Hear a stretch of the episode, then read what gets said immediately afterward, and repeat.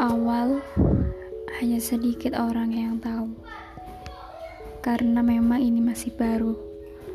Bahkan jika dipikir ini belum berbau, sedikit tentang hidupku yang tertulis di ujung buku. Pagi adalah awal dari cerita. Indah dibandang mata karena tanpa huru hara. Namun pagi tak akan lama, akan berganti siang yang penuh hama. Jika memang kau tak ingin bangun, jangan kau bangun.